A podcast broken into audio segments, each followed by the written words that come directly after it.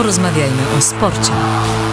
Mistrzostwa Świata w lekkiej atletyce w Budapeszcie trwa niezwykle ważny dla nas konkurs w rzucie młotem. Ostatnia z sześciu kolejek i na drugim miejscu na ten moment Wojciech Nowicki, czwarty Paweł Fajdek. Zaraz i Paweł i Wojtek przystąpią do swoich ostatnich prób i mamy nadzieję, że ktoś z nich będzie w stanie pokonać Etana Kacberga, który na ten moment, Kanadyjczyk, jest na pierwszym miejscu 81 metrów i 25 centymetrów, 23 centymetry dalej od naszego Wojtka Nowickiego w kole Paweł Fajdek i będzie próbował wskoczyć na podium, bo on na ten moment jest na czwartym miejscu e, w klasyfikacji równe 80 metrów 82 centymetrów. Brakuje Fajdkowi do Węgra, Bance Holosza, do gospodarza, który może sięgnąć po e, upragniony medal na własnej ziemi. No ale Paweł Fajdek, mistrz sprzed roku, teraz przystępuje do swojej próby. Mamy nadzieję, że tym ostatnim rzutem zagwarantuje sobie mimo wszystko jednak ten medal medal na Mistrzostwach Świata w Budapeszcie. Niestety to jest za krótki rzut Pawła Fajtka poniżej 80 metrów, a więc po raz kolejny Paweł Fajdek musi zadowolić się w zasadzie no, niczym nie może się zadowolić. Poza podium nie ma nawet medalu. Czwarte miejsce dla Pawła Fajtka, dla już nie aktualnego mistrza świata, bo ktoś jemu ten tytuł dzisiaj odbierze. My będziemy się cały czas przyglądać tej końcówce konkursu w rzucie młotem na Mistrzostwach Świata w Budapeszcie, ale jeszcze kilka doniesień piłkarskich aktualnych. Andrzej Karaś jest z nami. Jeżeli chodzi o aktualne doniesienia, mamy y, w derbach Londynu w Premier League pewien nie wiem, czy niespodziankę, ale, ale w każdym razie West Ham prowadzi 2-1 e, z Chelsea. E, niestety bez Łukasza Fabiańskiego w składzie. Tutaj nasz, nasz e, rutynowany bramkarz został odsunięty od składu, o czym może jeszcze zdążymy powiedzieć. Niespodziewanie dla ekspertów, dla obserwatorów, dla niego samego. Sam nie ukrywa, że, że nie rozumie, co się dzieje, ale jego, jego drużyna radzi sobie dobrze dwie, dwie asysty Jamesa Warda Prowsa, byłego rozgrywającego Southampton, który po spadku swojego, swojego wieloletniego klubu zmienił otoczenie i jak widać już w debiucie świetnie się wpasował do nowego zespołu. To może na razie tyle. Tymczasem wiemy, że węgierski młociarz Bence Holosz, który na ten moment zajmował trzecie miejsce po pięciu kolejkach, swój szósty rzut spalił. W związku z tym wiemy, że Wojciech Nowicki jest co najmniej wicemistrzem świata. Jeszcze po Mistrzostwo Świata Nowicki nigdy nie sięgnął, no i teraz stoi przed tą szansą, by w Budapeszcie to uczynić. Wojciech Nowicki będzie rzucał po to, aby pokonać Kanadyjczyka, który na ten moment jest najlepszy. Na pierwszym miejscu Etan Kacberg, 23 3 centymetry dalej rzucił Kanadyjczyk od Polaka. No i ściskamy kciuki za to, aby Nowicki był w stanie pokonać Kanadyjczyka i pierwszy raz sięgnąć po Mistrzostwo Świata. Jest mistrzem Europy, jest mistrzem olimpijskim z Tokio Wojtek Nowicki i rzuca e, po Mistrzostwo Świata pierwsze w swojej karierze. E, czy to się uda Wojtkowi Nowickiemu? Za moment się przekonamy. Czy Wojtek Nowicki będzie mistrzem świata? Czy Wojtek Nowicki sięgnie po złoty medal w końcu na Mistrzostwach Świata. E, Wojciech Nowicki wygląda na to, że niestety będzie musiał obejść się smakiem i zadowolić się medalem srebrnym, który i tak jest wielkim osiągnięciem, a więc powtórzenie wyniku z Eugene, powtórzenie wyniku sprzed roku w wykonaniu Wojtka Nowickiego, a złoto trafi do Kanadyjczyka Etana Kacberga. 81 metrów i 2 centymetry. Wojtek Nowicki to jego najlepsza próba z przedostatniej kolejki piątej z 23 centymetrów zabrakło do Kacberga. Kanadyjczyk mistrzem świata w rzucie młotem. Teraz on przystępuje do swojego ostatniego rzutu, który jest takim rzutem już y, jakby znaczącym nie mniej, nie więcej jak celebracja tego złotego medalu y, na Mistrzostwach Świata. Kacberg mistrzem mistrzem świata Nowicki drugi, na trzecim miejscu Węgier Bence Holosz czwarty. Niestety bez medalu Paweł Fajdek. Nasz medal na Mistrzostwach Świata w Budapeszcie stał się faktem. Nowicki sięga po srebro. A jakie inne doniesienia z aren w Budapeszcie? Natalia Kaczmarek dzisiaj rano świetny bieg eliminacyjny na 400 metrów, najlepsza w swoim biegu.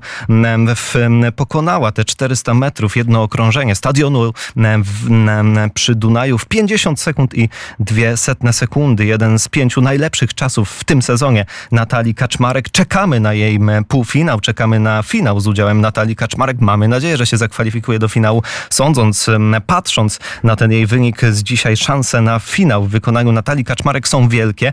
Wcześniej półfinał, w poniedziałek, godzina 21.50 finał, w środę, dopiero w środę o 21.35 Kaczmarek przystąpi do tego, kto wie, być może najważniejszego biegu w tym sezonie, na pewno najważniejszego dla Natalii Kaczmarek. Kaczmarek radzi sobie świetnie na razie w konkurencji indywidualnej na 400 metrów, no ale odpuściła sztafetę właśnie dlatego, że chciała się skoncentrować na konkurencji indywidualnej, a w sztafecie mieszanej wczoraj 4 razy 400 przebrnęliśmy przez eliminację w dość zaskakującym stylu, bo tak naprawdę czysto sportowo nie wywalczyliśmy sobie kwalifikacji do finału. Na jednej ze zmian.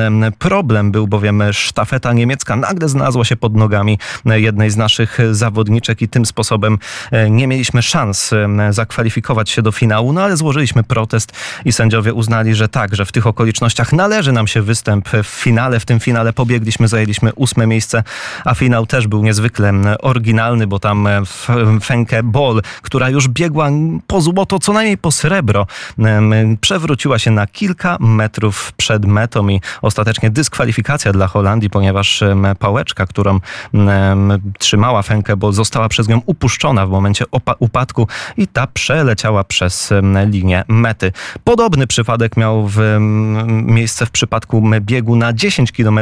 Tam Sifan Hassan biegła po złoty medal i też na ostatniej prostej, też Holenderka, upadła i niestety musiała, nie od po te złoto nie sięgnęła. E, chód na 20 km kobiet dzisiaj się odbył Katarzyna Zdziebło, dwukrotna srebrna medalistka z Eugene sprzed roku, została niestety zdyskwalifikowana po 11 kilometrach.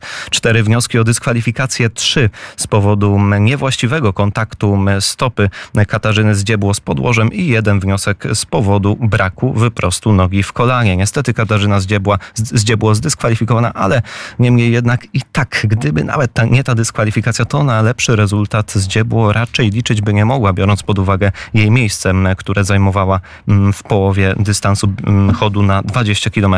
Doniesienia z siatkówki Mistrzostwa Europy trwają. Nasze siatkarki w pierwszym meczu w piątek wygrały ze Słowenią bez żadnego problemu 3 do 0.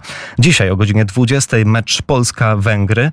No i trwa memoriał Huberta Jerzego Wagnera, więc nasi siatkarze też grali ze Słowenią. Pierwszy mecz wygra... przegraliśmy 0 do 3, no ale Nikola Grbicz jakby uspokaja nastroje, mówiąc, że no jednak bądź co bądź ten memoriał nie jest dla nas najważniejszy. Mamy jeszcze Mistrzostwa Europy w tym roku, mamy może przede wszystkim kwalifikacje do Igrzysk Olimpijskich i na nich będziemy się skupiać.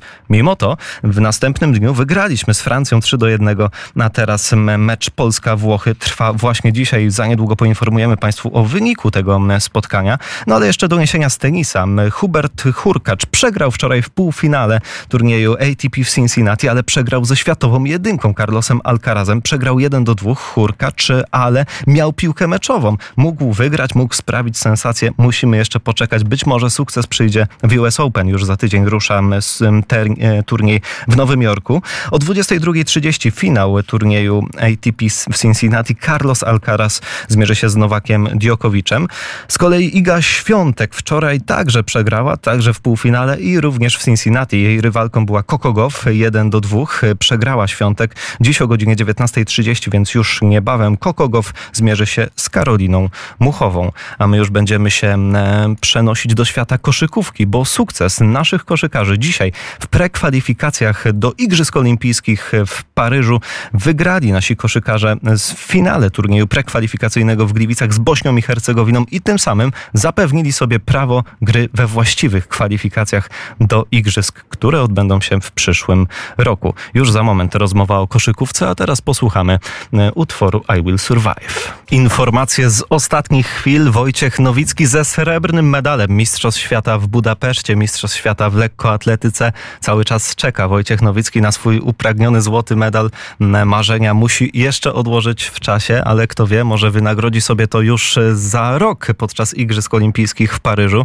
Jeszcze krótka informacja z siatkówki. Memoriał Huberta Jerzego Wagnera i przegrywamy z reprezentacją Włoch 1 do 3.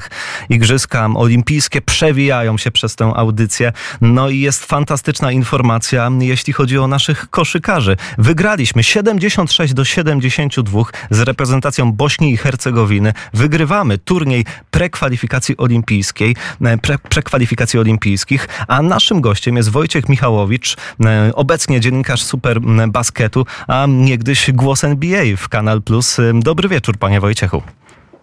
Witam, witam, dobry wieczór. Jak pan odbiera ten mecz w Gliwicach? Niezwykle zacięty. No, praktycznie każda kwarta była, tam różnica była maksymalnie, jak się nie mylę, jednego punktu na korzyść raz jednej, raz drugiej strony. Ostatecznie 76 do 72.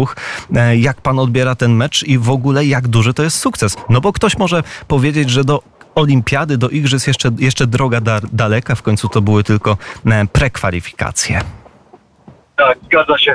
No, taki mecz, można powiedzieć, e, na zapamiętanie idealny dla kibiców, bo tam było 25 e, zmian prowadzenia.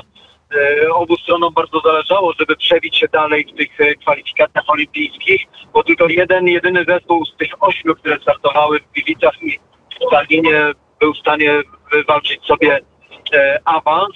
No i dla Polaków to cały ten tydzień, właściwie 8 dni, pięć meczów, pięć zwycięstw, drugi raz pokonali Bośniaków. E, no prawdziwy spektakl. E, też jak na koszykówkę spora liczba kibiców e, i w ogóle taka budująca historia. Warto powiedzieć, że w tej koszykówce to jest strasznie trudno odnieść nawet tego typu sukces. Trochę w odróżnieniu od siatkówki, bo w koszykówce to mamy jakieś 70-80 reprezentacji narodowych, które no, grają fantastycznie. To oczywiście wpływ NBA, gdzie tam mamy 200 graczy z całego świata. Także ten awans do najlepszej dwunastki na dobrą sprawę w Europie, e, która będzie walczyła już w bezpośrednim turnieju przedolimpijskim w czerwcu przyszłego roku. I właśnie w tej dwunastce jest reprezentacja Polski. Zresztą drużyna Igora Milicicza, ona potwierdziła, że specjalizuje się w turniejach, bo byli rewelacją Pucharu Świata w 2019 roku, e, kiedy byli w pierwszej ósemce. Jeszcze większy sukces w Mistrzostwach Europy przed rokiem w Czechach i i w Niemczech tam czwarta pozycja. No i kolejny taki turniej i pokonali w finale zespół, który z trzema zawodnikami w NBA, czyli Bośnię i Hercegowinę. No właśnie, trzech zawodników w NBA, a jeden z nich, Luka Garca, przed tym meczem chwalił w rozmowie dla Superbasketu naszego Aleksandra Balcerowskiego, mówiąc, że moim zdaniem jego miejsce jest w NBA. Dzisiaj zdaje się, że gra Aleksandra też była na niezwykle wysokim poziomie. Czy pan się zgadza z tymi słowami Garca, że jego miejsce jest za oceanem? No na pewno bardzo fajna wypowiedź, taka bardzo dyplomatyczna, bo sam Luka Garda to jest chłopak, którego mama była bośniacką e, koszykarką. E, tata z kolei e, troszkę włoskiego pochodzenia, ale grał w Stanach. Luka, on wie co mówi, bo sam się przebijał dosyć długo na parkiety NBA, dopiero teraz gdzieś tam mu dali większą szansę w zespole z Minneapolis. Wcześniej nie bardzo go chcieli Detroit Pistons, mimo że był gwiazdą Ligi Akademickiej. Natomiast Olek był dzisiaj takim, e, bym powiedział, elementem drużyny, który no, z narażeniem zdrowia, wręcz życia walczył o tę wygraną, bo tutaj formuła była winner takes it all. E, przegrywający mógł zapomnieć o, o Paryżu 2024. No Olek do tego stopnia się poświęcał i, i był też jednym z takich herosów tego meczu, że okupił to y, kontuzją, ale na szczęście żyje, uśmiechnięty miosko po meczu, chociaż e, no, ucierpiał mocno, ale też bez jego kilkunastu punktów, jego ofiarności, determinacji i w obronie, i w ataku nie byłoby tego zwycięstwa, bo to była taka typowa wygrana zespołowa, bo wiadomo, że kiedy gra się taki turniej przez 8 dni, 5 meczów, no to liderzy się wyeksploatowują, mają mniej energii, mniej sił, no proste zjawiska fizjologiczne i potrzebni są wszyscy inni. Dzisiaj dziesięciu polskich koszykarzy punktowało i to miało ogromne znaczenie, bo, bo tylko siedmiu bośniaków na przykład. I co ciekawe, ta, ta polska drużyna lepiej zniosła te trudy turnieju, bo tak naprawdę no to przegrywali jeszcze Polacy czterema punktami gdzieś tam te cztery minuty przed zakończeniem spotkania, a finiszowali no generalnie lepiej właśnie dzięki tej zespołowości. Niemniej łatwo było zwrócić uwagę na to, że mieliśmy problemy co najmniej w jednym elemencie, mianowicie w mm, rzutach wolnych. Niska skuteczność, około 50%, zdecydowanie niższa niż miało to miejsce u Bośniaków, choć tam pod koniec też już e, wkradł się poważny błąd. Natomiast e, chciałem się zapytać, skąd to wynika, taka rozbieżność, skąd mogą wynikać błędy koszykarzy w tym elemencie, w rzucie wolnym, kiedy stoją sami na sami e, z koszem. Nikt im nie przeszkadza. Zdaje się tak e, z punktu widzenia laika, no, że człowiek, który trenuje to godzinami, dniami, latami, no powinien powiedzmy nie mieć e, 50% skuteczności, tylko zawsze te 80-90. Ale jak to jest w rzeczywistości? Co może wpływać na gorsze wyniki w danym dniu w tym elemencie? Tak, bywali nawet królowie strzelców NBA, którzy mieli kiepską skuteczność rzutów wolnych. E, Will Chamberlain na przykład był taki. Michael Jordan też różnie u niego bywało. Natomiast e, z czego to wynika? No, to jest, to był piąty mecz, tak jak wspomniałem, na przestrzeni ośmiu dni. Na dodatek to był taki mecz, że, że trzeba go wygrać. To by się nie, nie wydarzyło. Także no tutaj intensywność też grania była przy tym zmęczeniu, bo to wszystko już na długu, że tak powiem, tlenowym i energetycznym, więc to też zawsze wpływa i na, już tak wchodząc troszkę w fizjologii, tonus mięśniowy już nie jest taki, jakby się chciało, a tutaj to wymaga decyzji. Natomiast no, ważne było to, że Polacy tak często stawali na tej linii rzutów wolnych i, i trafiali. Z drugiej strony no, to też fajne dla kibiców, prawda, bo ta dramaturgia wzrasta tam a wszystko rozstrzygało się dosłownie jednym posiadaniem, jedną akcją. E, Polacy natomiast udowodnili, że tak jak oni grali drugi raz z Bośnią w Gliwicach, ty- tydzień temu wygrali dosyć pewnie i wtedy fantastycznie rzucali za trzy punkty. Natomiast byli gorsi w tym tak zwanym graniu wewnętrznym, czyli podkoszowym. Tutaj była zmiana ról, to, to tym razem e, Polacy no, słabo za trzy punkty, wolne także przestrzelili ich wiele, ale z kolei no, to, co decyduje o wygranych w koszykówce ciągle, chociaż Golden State Warriors może są innego zdania, że ten, kto wygrywa e, rywalizację w tak zwanej trumnie, czyli w tej strefie podkoszowej, która ma troszkę inny kolor, no to, to zwycięża w takich kluczowych meczach, w takich meczach o wszystko. I to potwierdziło dzisiejsze spotkanie dramatyczne, ale też fajne dla kibiców i, to, i jak to niektórzy mówią, dla promocji dyscypliny. E, Igor Milicic, nasz e, trener, z umową na kolejne trzy lata. Zdaje się, że rzadko to się zdarza w polskim sporcie. Gdy spojrzymy na piłkę nożną na przykład, to tam bodaj na przestrzeni ostatniego półtora roku mieliśmy trzech trenerów. Czym sobie Igor Milicic na to zasłużył? Czy to są te wyniki czysto sportowe? No bo jak na to spojrzymy, naprawdę no jest świetne. Świetnie pamiętamy też czwarte miejsce na Eurobaskecie, ale ta decyzja była jeszcze przed dzisiejszym spotkaniem. Skąd aż takie zaufanie e, w związku do naszego trenera? Tak. No ciekawy pomysł motywacyjny, prawda? Y, Wiadomość o tym, że przedłuża umowę, jeżeli chodzi o pracę z reprezentacją y, Igor Milicic. Y, Także no, pełna determinacja, bo to był też taki, taki dzień, taki mecz, bo cały turniej był taki bezwzględny. No, można było wygrać cztery mecze, wszystkie dotychczasowe, Bośnia miała bilans 3 do 1, a przegrać wszystko w tym jednym dzisiejszym e, spotkaniu. Ja myślę, za to, za to ta, to, to, ta ciągłość pracy, która zresztą jest bardzo ważna e, w sporcie. No myślę, że za to, że, że także i przed rokiem w Pradze i w Berlinie Polacy pokonywali wyżej notowane drużyny, Słowenię z grupą Doncicem, żeby tutaj wspomnieć chociażby to, no mało nie sięgnęli po, e, po, po. No i właśnie tutaj trudno porównywać, w piłce nożnej nie mamy aż takich sukcesów jak w koszykówce, no o siatkówce nie wspominając, prawda? Tak, no zdecydowanie. Natomiast jeszcze chciałem zapytać o inny pozytywny as- aspekt. Było widać mnóstwo kibiców na trybunach hali w Gliwicach. E, popularność koszykówki w tym ostatnim czasie znacznie wzrosła. Jak to wygląda z Pana perspektywy? No był Pan też tam na meczu w Gliwicach. Tak, tak. No ja miałem okazję być przy okazji tych e, największych sukcesów polskiej kadry, takich ponad oczekiwania, bo i Puchar Świata w Chinach w 2019 roku to było też e, over the limit, jakby powiedzieli, powiedzieli twórcy tego sportu. To no jeszcze bardziej Mistrzostwa Europy, największe z lat 70. E, I no jeszcze mamy znowu polskiego koszykarza na parkietach NBA, Jeremiego Sochana, zresztą świetnego, jeszcze do, dopiero co e, skończył naście lat. E, to są wszystko takie impulsy, takie, takie mechanizmy, które tę popularność e, zwiększają. A koszykówka jest takim sportem dużo trudniejszym w odbiorze niż siatkówka, e, skoki narciarskie, prawda? No tutaj już trzeba się troszkę wgryźć, wciągnąć. Dlaczego za dwa, dlaczego za trzy, dlaczego rzut wolny, kiedy faul taki, faul y, inny. Także no, trzeba to troszkę m, bardziej zrozumieć, pokochać i, i, i, i, i wtedy, wtedy dopiero się naprawdę rozumie piękno e, koszykówki. Koszykówka jest sportem dosyć skomplikowanym. Niektórzy mówią, że dla, dla tych, co mają wysokie IQ. Tak, i, ale przede wszystkim pięknym i tym bardziej pięknym dzisiaj dla nas Polaków, bo my mamy awans do kwalifikacji olimpijskich, te już e, za rok, a ja bardzo panu dziękuję za rozmowę. Wojciech Michałowicz był Ja gościem. Radia Wnet. I do Dziękuję, usłyszenia. do usłyszenia ponownie. Do usłyszenia. No, my jeszcze mamy doniesienia z lekkiej atletyki. Oczywiście powtarzamy to, co się wydarzyło pół godziny temu. Wojciech Nowicki ze srebrnym medalem. Ten sukces naszego lekkoatlety skomentuje w dzisiejszej audycji Robert Korzeniowski, a Andrzej Karaś z doniesieniami w sprawie biegu na 100 metrów, bo właśnie mieliśmy finał. Znakomity bieg, dosko- doskonały czas y, zwycięzcy. Złoto dla Noah Lylesa ze Stanów Zjednoczonych. Za, zanim Leslie Tebogo z Botswany na najniższym stop, stopniu po, podium stanie Carnal Hughes z, z Wielkiej Brytanii, Brytyjczyk antiguańskiego pochodzenia.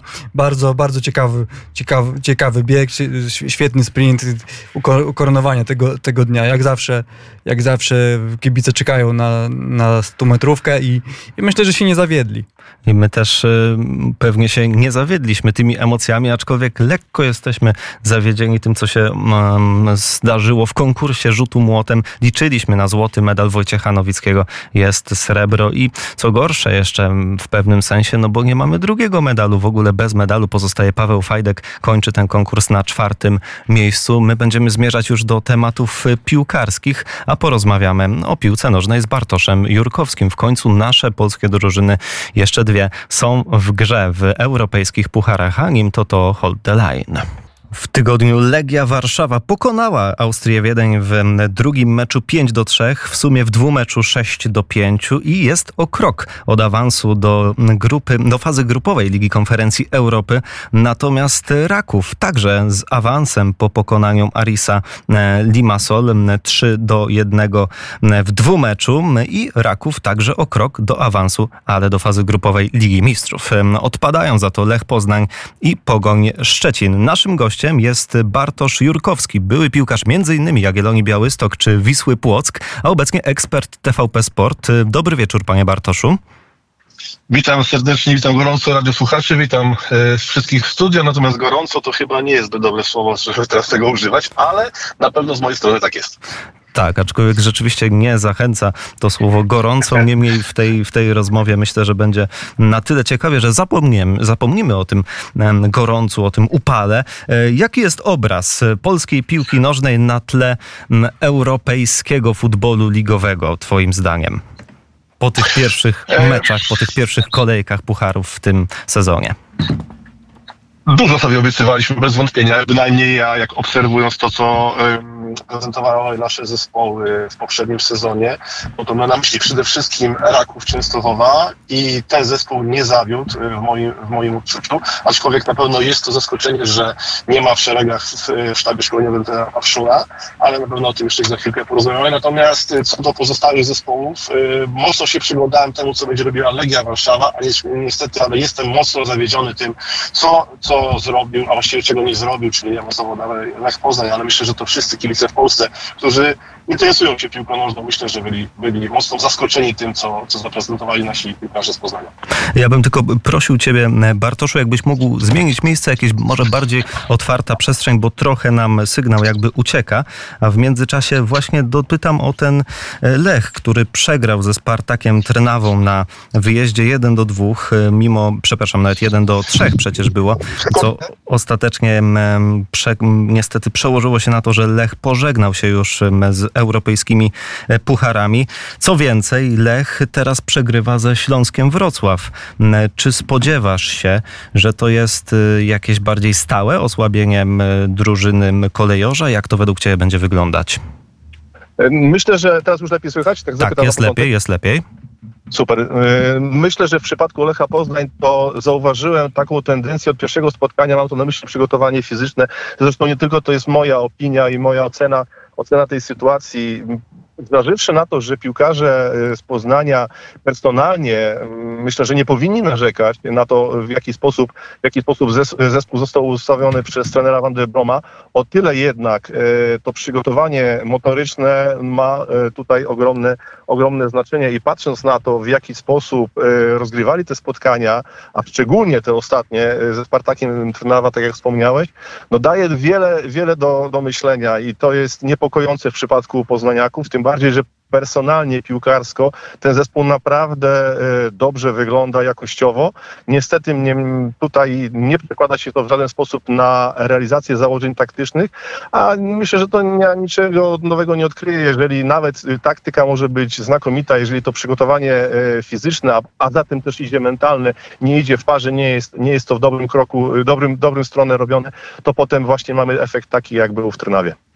Lech w tym pierwszym meczu prowadził 2 do 0 i ten wynik byłby naprawdę dużo bardziej komfortowy, gdyby nie stracona bramka potem ze Spartakiem. Skończyło się 1-2, no potem jak to wyglądało na Słowacji e, wszyscy wiemy. Natomiast czy my nie mamy jakiegoś takiego właśnie ostatnio syndromu mm, poczucia, że jak prowadzimy jedną, jak prowadzimy dwoma bramkami, to coś jest nie tak, że musimy na styk wszystko wygrywać, bo to tak powoli wygląda. Legia Warszawa przecież dwa razy była już w komfortowej sytuacji z Austrią Wiedeń. Mimo to Austria doprowadzała do dogrywki, e, do remisu w dwumeczu. Natomiast nawet Raków w pierwszym meczu przecież jeszcze pod koniec stracił bramkę z Limasolem zupełnie niepotrzebnie. E, z czego to wynika? To jest twoim zdaniem jakieś rozluźnienie, brak koncentracji w naszych e, szeregach, w szeregach naszych drużyn?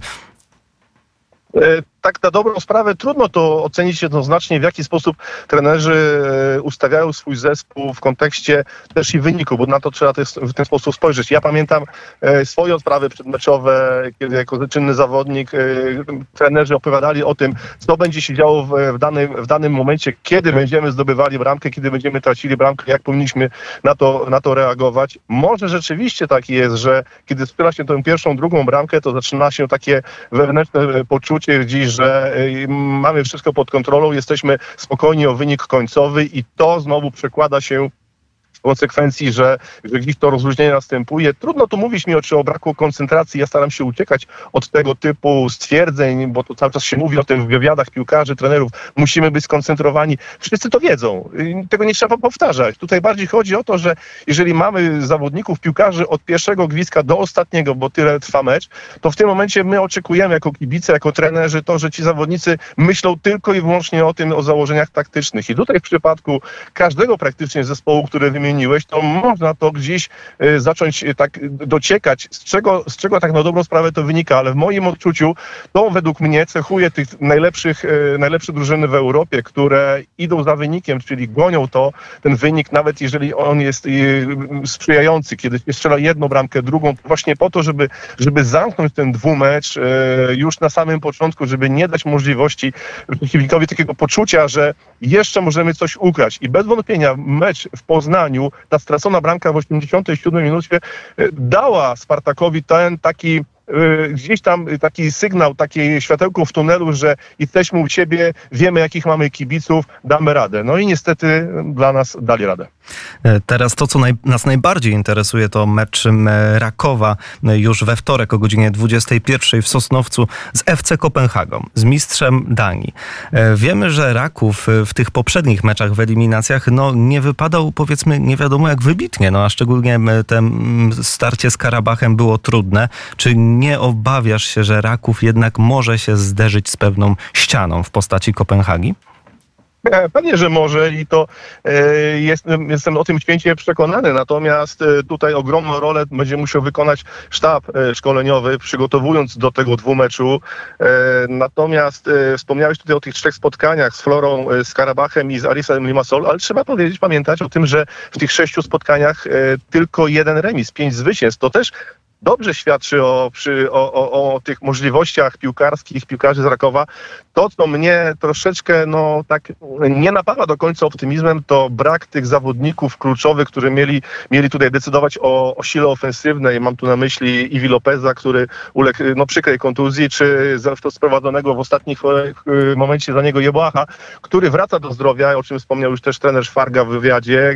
Natomiast cieszę się bardzo, że, że pomimo tych ubytków, bo to są, proszę mi wierzyć, to są naprawdę e, mocne, mocne ubytki, bo piłkarze, e, który, którzy posiadają taką umiejętność gry techniczno-taktycznej, a szczególnie jeśli chodzi o technikę użytkową, utrzymanie się przy piłce, czy y, gra jeden na jednego, to daje poczucie takiego spokoju, kiedy nas przeciwnik będzie gdzieś tłamsił, żeby dać y, tę możliwość utrzymania się. I tutaj trochę mnie to martwi. Natomiast patrząc na to, że jaka jest jeszcze polityka transferowa, być może e, właściciel, pan Michał Świerczewski, może jeszcze wysupła coś, zresztą o tym się szeroko mówi, że o zawodniku, e, o Dursonie, który ma ewentualnie wzmocnić siłę ataku, e, chociaż tutaj, jak to się mówi, tak nie brakuje, bo jest przecież i Piasecki, jest Woliński, który teraz zasilił szeregi Rakowian, więc Mam nadzieję, że ta siła ofensywna mimo wszystko nie, nie osłabnie.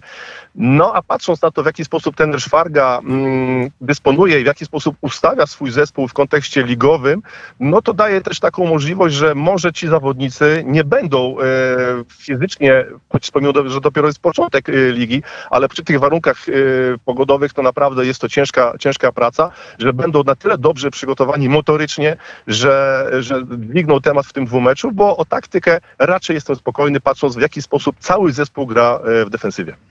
E, siła piłkarska, siła trenerska.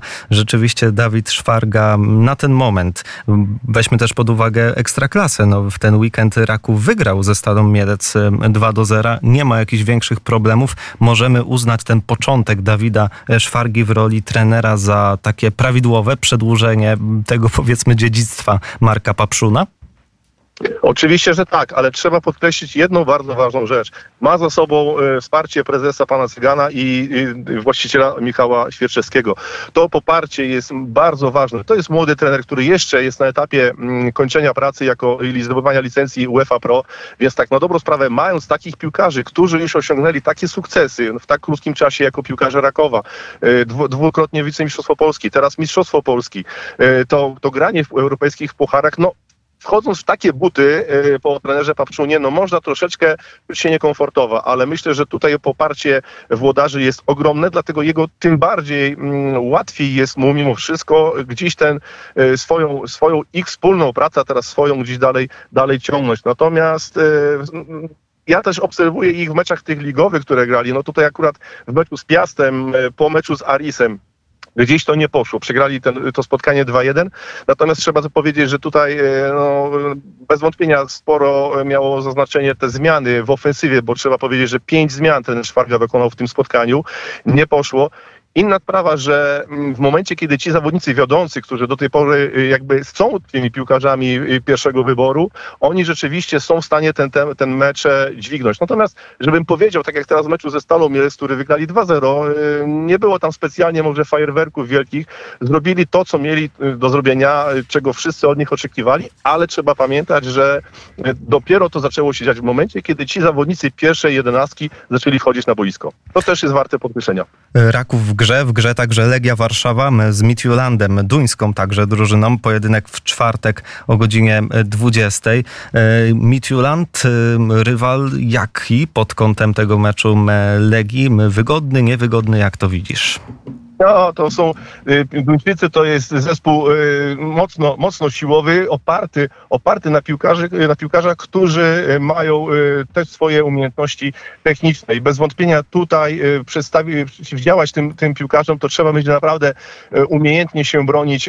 Nie oczywiście całą jedenastką i przez całe spotkanie, ale bez wątpienia wracać szybko do, do ustawienia w strefie, w strefie obronnej, czy to w pressingu średnim, czy starać się tę piłkę przechwycić w momencie, momencie, kiedy, kiedy, kiedy piłkarze duńscy będą gdzieś ją starali się rozwijać od obrony, ale tutaj myślę, że sztab szkoleniowy i, i wiodąca postać Koszta Runiańsz do tego się y, przygotują. Ja bardzo mocno liczę, liczę na to, że piłkarze Legii mm, oprócz tego, rzeczywiście awansują, to y, pokażą ten futbol, który był w większości momentów z Austrią w drugim, w drugim spotkaniu, ale jedyne co może też napawać troszeczkę takim niepokojem, to mnie osobiście, to Josue. Dlaczego? Ja uważam tego piłkarza za y, piłkarza na, na tle polskich drużyn, drużyn wybitnego. Natomiast to, y, czego się obawiam z jego strony, to prowokacji. Prowokacji nie tyle w stosunku do Duńczyków, ile to, że sam został, może być mocno sprowokowany, a co w konsekwencji może dziać, że, dać, że będzie będzie musiał opuścić boisko. Tego się obawiam, bo obserwując tego piłkarza już od, od kilku lat na boiskach ekstraklasy, no jest to piłkarz nietuzinkowy, ale sprowokować jego jest bardzo, bardzo łatwo. Tutaj miałbym pewną obawy. Natomiast e, jestem optymistą mimo wszystko, e, bo wiemy, że Legia, e, patrząc nawet ten dwumecz z Austrią Wiedeń, kiedy wydawało się, że po tym pierwszym spotkaniu u siebie niezwykła jest przegrywać, a tutaj e, porażka. Pojechali na teren, gdzie było bardzo gorąco i dosłownie w przenośni, a poradzili, dźwignęli i właśnie zrobili to, o czym zacząłeś mówić od początku tej, tej audycji, że, e, że to my zawsze gdzieś tam się rozklejaliśmy w końcówce meczów, a tu się okazuje, że to Legia, Legia dźwignęła temat i, i, i zdobyła tego upragnionego gola w końcówce spotkania i awansowała dalej. No to będziemy z emocjami podchodzić do tego wtorkowego i czwartkowego wieczoru. Wtedy Raków, wtedy Legia. Bartosz Jurkowski, były piłkarz, ekspert TVP Sport był naszym gościem. Bardzo dziękuję. Dziękuję i do usłyszenia. Pozdrawiam. Do usłyszenia. A ja ciebie jeszcze, Andrzeju, chciałem zapytać o Harry'ego Kane'a, bo przecież to jest transfer e, niezwykle istotny, kapitalny. Angielski napastnik przenosi się z Tottenhamu do Bayernu. Jaka jest twoja opinia na ten temat? Jak e, wielka jest to wiadomość? transfer tego okienka bez, bezwzględnie. I cóż, e, na pewno, na pewno zespół z, z, z Londynu mm, traci traci kluczowego strzelca, kluczowego rozgrywającego też. Nie, nie, tylko, nie tylko był mistrzem wykończania akcji, ale także, także dostarczania piłek, piłek kolegom. Natomiast jest to też szansa, żeby zbudować ten zespół może na innych fundamentach jest James Madison, e, jest cały czas Son, Koreańczyk wielki, więc, e, więc tak. A co do Bayernu, no to, to w końcu mają napastnika, napastnika światowej klasy, którego, którego nie mieli przy, po, po odejściu Roberta Lewandowskiego, także, także Kane y, może w, w, końcu zagościć na poważnie, na poważnie w europejskich rozgrywkach Ligę Mistrzów Pewnie, pewnie wygra. Także, także wszyscy mogą na tym zyskać. Naprawdę. No to będziemy się może, może szkoda, że nie zostanie taką legendą e, Premier League jak Alan Shearer chociażby, który całą, całą swoją karierę tam spędził, i, ale może jeszcze wróci i na koniec, na, na koniec swojej przygody z piłką poprawi parę rekordów. No tak, ale niewykluczone, że też piękną e, historię napisze w Monachium. Wojciech Nowicki ze srebrnym medalem Mistrzostw Świata w Budapeszcie. Zabrakło 23 centymetrów najlepszy dzisiaj Kanadyjczyk Ethan Kacberg. 81 metrów 2 centymetry to wynik Wojtka Nowickiego na czwartym miejscu, niestety poza podium Paweł Fajdek. A naszym gościem specjalnym jest Robert Korzeniowski, czterokrotny złoty medalista olimpijskim w chodzie, a teraz reporter Eurosportu na Mistrzostwach Świata w Budapeszcie. Dobry wieczór, panie Robercie. Dobry wieczór. Miło mi e, pana słyszeć, miło mi dać się słyszeć słuchaczom. Nam również bardzo miło dziękujemy za przyjęcie zaproszenia. I zapytam o ten wynik Wojciecha Nowickiego. Jest wicemistrzem świata, no ale jak pan to odbiera? Jest niedosyt? No chyba był faworytem. Wie pan, e, Wojtek był faworytem, ale tak jak powiedziałem to w studiu e, Eurosportu tuż przed samym e, rozpoczęciem konkursu, wyniki jego rywali wskazywały na to, że oni tak E, łatwo miejsca nie ustąpią na podium, albo inaczej, no, powalczą o to, żeby zająć miejsce, które jemu wcześniej przydzielano. Edan Kasper, zawodnik kompletnie bez e, e, żadnych kompleksów i respektu, e, oczywiście mówię to pół żartem, bo szanuję Wojtka naturalnie, e, zrobił co było w jego zasięgu. To był kapitalny konkurs. E, rozmawialiśmy z Wojtkiem tuż po jego zakończeniu i Wojtek oczywiście chciałby być mistrzem świata, ale o dziwo mówi, że jest zadowolony z tak wysokiego poziomu konkursu i z tego, że w końcu ktoś go zmotywował do jakiegoś większego wysiłku. Mówi to pół żartem, pół serio, ale e, taka jest prawda, że będzie to dla niego ogromny motywator do E, do Paryża. Wojciech Nowicki ze srebrem, no a to przecież jest mistrz olimpijski, jest mistrzem Europy, a pan, panie Robercie, no znam smak tytułu mistrza olimpijskiego, mistrza Europy i mistrza świata. Nowicki cały czas nie ma tego mistrzostwa świata. Proszę powiedzieć, jakie to jest uczucie dla sportowca, jak sięgnie się po złoto właśnie na tych trzech wielkich imprezach? Jest pewne spełnienie, jest już taka myśl, że w pewnym sensie to ja już kompletnie niczego muszę, nie muszę udowadniać. Jak to wygląda? Bo to może być emocjonalnie no niezwykle, niezwykłe doświadczenie. Zacznę od tego, że Wojtek będzie miał szansę zostać mistrzem świata już za dwa lata i to w Tokio, a w Tokio mu całkiem dobrze poszło. W związku z tym e, jest na jak najlepszej drodze do tego i e, wiek 36 lat to jeszcze nie jest wiek, którym się kończy karierę e, w rzucie młotem, także może tak. E, ja powiem, że mnie e, tytuł, zresztą trzeci tytuł właśnie taki w tej koronie lekkoatletycznej trochę uśpił. E, I nie tyle w pracy, co w poszukiwaniu metod no, innowacyjnych, bo w treningu warto powtarzać to, co dobre, ale zawsze trzeba coś dodawać. I y, y, czwarty sezon po tych trzech złotych medalach, które zdobyłem z rzędu, e, był dla mnie nieudany.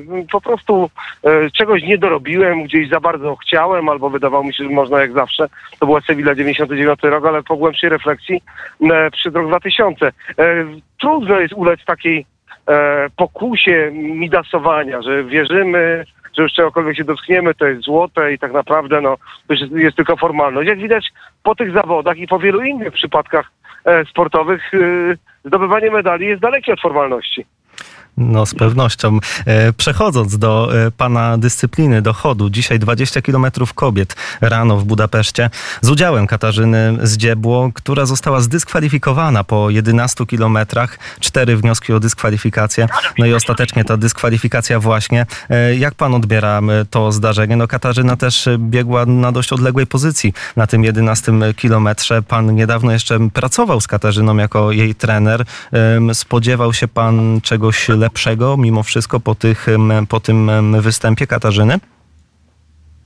No mnie nie udało się zbudować e, takiej podstawy do pracy, o której bym mógł mówić, że e, coś żeśmy wytrenowali, bo ja zacząłem trenować Katarzynę w listopadzie, a właściwie w grudniu, e, natomiast nasze drogi zaczęły się już poważnie rozchodzić w lutym i w marcu, bo e, Katarzyna po prostu nie realizowała treningu, który był założony z różnych bardzo względów. E, I widać, że jest niewytrenowana, widać, że e, ma, ma ogromne zaległości techniczne i e, pochylenie. pochol- pochylenie. Tu mnie koledzy jeszcze z telewizji polskiej pozdrawiają, proszę. Sebastian Mara, Marek Plawgo i Przemek Babierz. O, to tak na żywo jest właśnie pod stadionem. E, i, e, I Kasia przy, przystępowała chyba do rywalizacji ze świadomością tego, że, e, że ma braki. No, mówiła o tym, że jest zadowolona z siebie, że, że trenuje. Nie, nie, nie, mamy się ostatnio kontaktami takimi bieżącymi, no bo nie ma powodu, trenują trener Kisiel. E, ja jej życzę jak najlepiej, no ale rzeczywiście no e, nawet nie zbliżyła się do poziomu, który powinna reprezentować i, i tutaj e, chyba nie może mieć pretensji do sędziów o, o jakąś e, niestosowną decyzję. E, Co Kata- będzie na 35 km? Myślę, że nie będzie to też proste wyzwanie. E, Nie wiem, czy podejmie to wyzwanie, ale no ona po prostu do tych mistrzostw no, nie jest przygotowana. Katarzyna też Właściwie. przed mistrzostwami e, podzieliła się takim komentarzem na temat właśnie zakończenia współpracy z panem, że jednak jej zdaniem za dużo było nacisku na kilometry, na samochodzenie, a ona jednak e, no, bardziej tutaj się odnajduje w takim rozłożeniu tego wysiłku, też siłownia, też e, basen. Natomiast jak pan uważa, czy to jest rzeczywiście, no oczywiście pan jest tutaj największym ekspertem, czy można mieć dobre wyniki w chodzie, nie skupiając się tylko i wyłącznie na chodzie?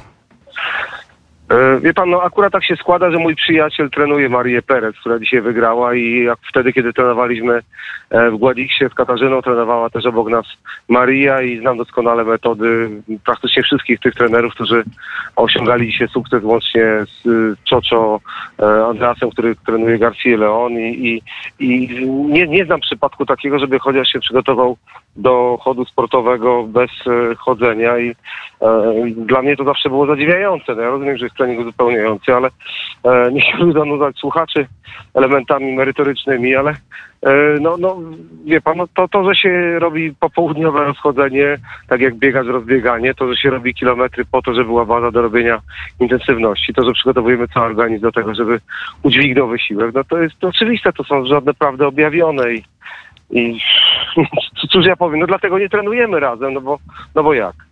E, Przechodząc do przyszłości, najbliższej przyszłości na Mistrzostwach Świata w lekkoatletyce, m, nasze oczy będą skierowane między innymi na Natalię Kaczmarek, która dzisiaj świetnie pobiegła w eliminacjach na 400 metrów, wygrała swój bieg 50 sekund i 200 sekundy. E, Jak pan widzi jej szansę w półfinale, który w poniedziałek i w finale, miejmy nadzieję, że w finale będzie Natalia w środę. E, Natalia ma drugi wynik kwalifikacji. Ma sumie e, czwarty wynik e, rankingowy. Widać, że to, co zrobiła, zrobiła z dużym luzem. E, widać, że oczywiście nie jest wszystko rozdane jeszcze i do, do cieszenia się, że drugi wynik e, kwalifikujący ją do dalszego biegania i już wszystko dalej ustawia, to jest, to jest ciągle jeszcze za mało. Ale widać, że przyjechała tutaj w znakomitej formie, nie jest zmęczona startami w sztafecie, e, sztafecie mieszanej na przykład, która już miała miejsce teraz. I e, ja, ja bardzo, bardzo wierzę w to, że e, zdobędzie tutaj medal i że on jest bardzo wysoce prawdopodobny i, i, i tyle. No to, to powinna być dobra nagroda za ten sezon i nagroda absolutnie uprawniona. Chciałem się jeszcze pana dopytać, jest pan tam na miejscu, niedawno pozdrowienia od ekipy TVP Sport. Jak pan ocenia anturaż tych całych mistrzostw świata? No w telewizji już wygląda to nieprawdopodobnie. Piękny stadion nad samym Dunajem, a jeśli chodzi o chód, ta konkurencja przy parku w Budapeszcie, przy parku miejskim, tam pomnik tysiąclecia, przepięknie. Jak pan to widzi w kontekście poprzednich tak dużych imprez?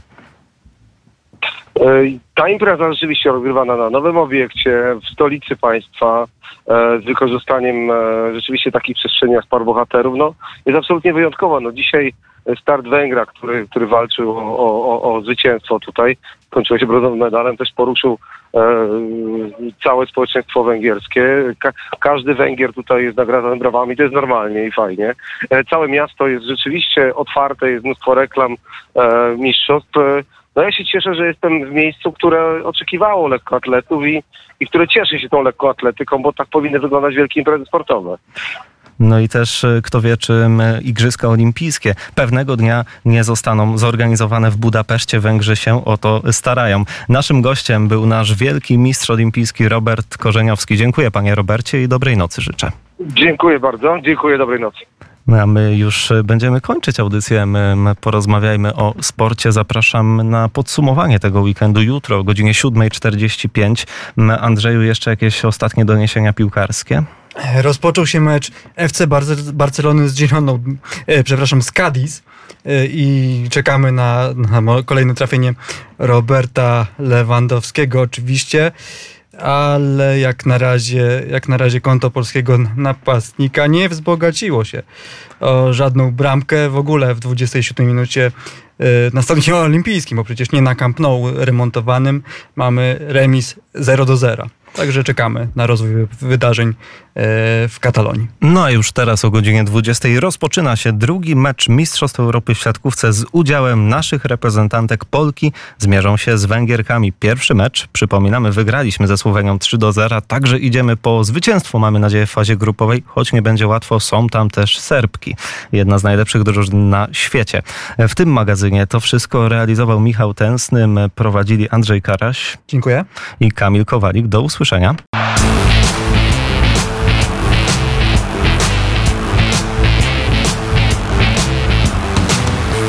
Porozmawiajmy o sporcie.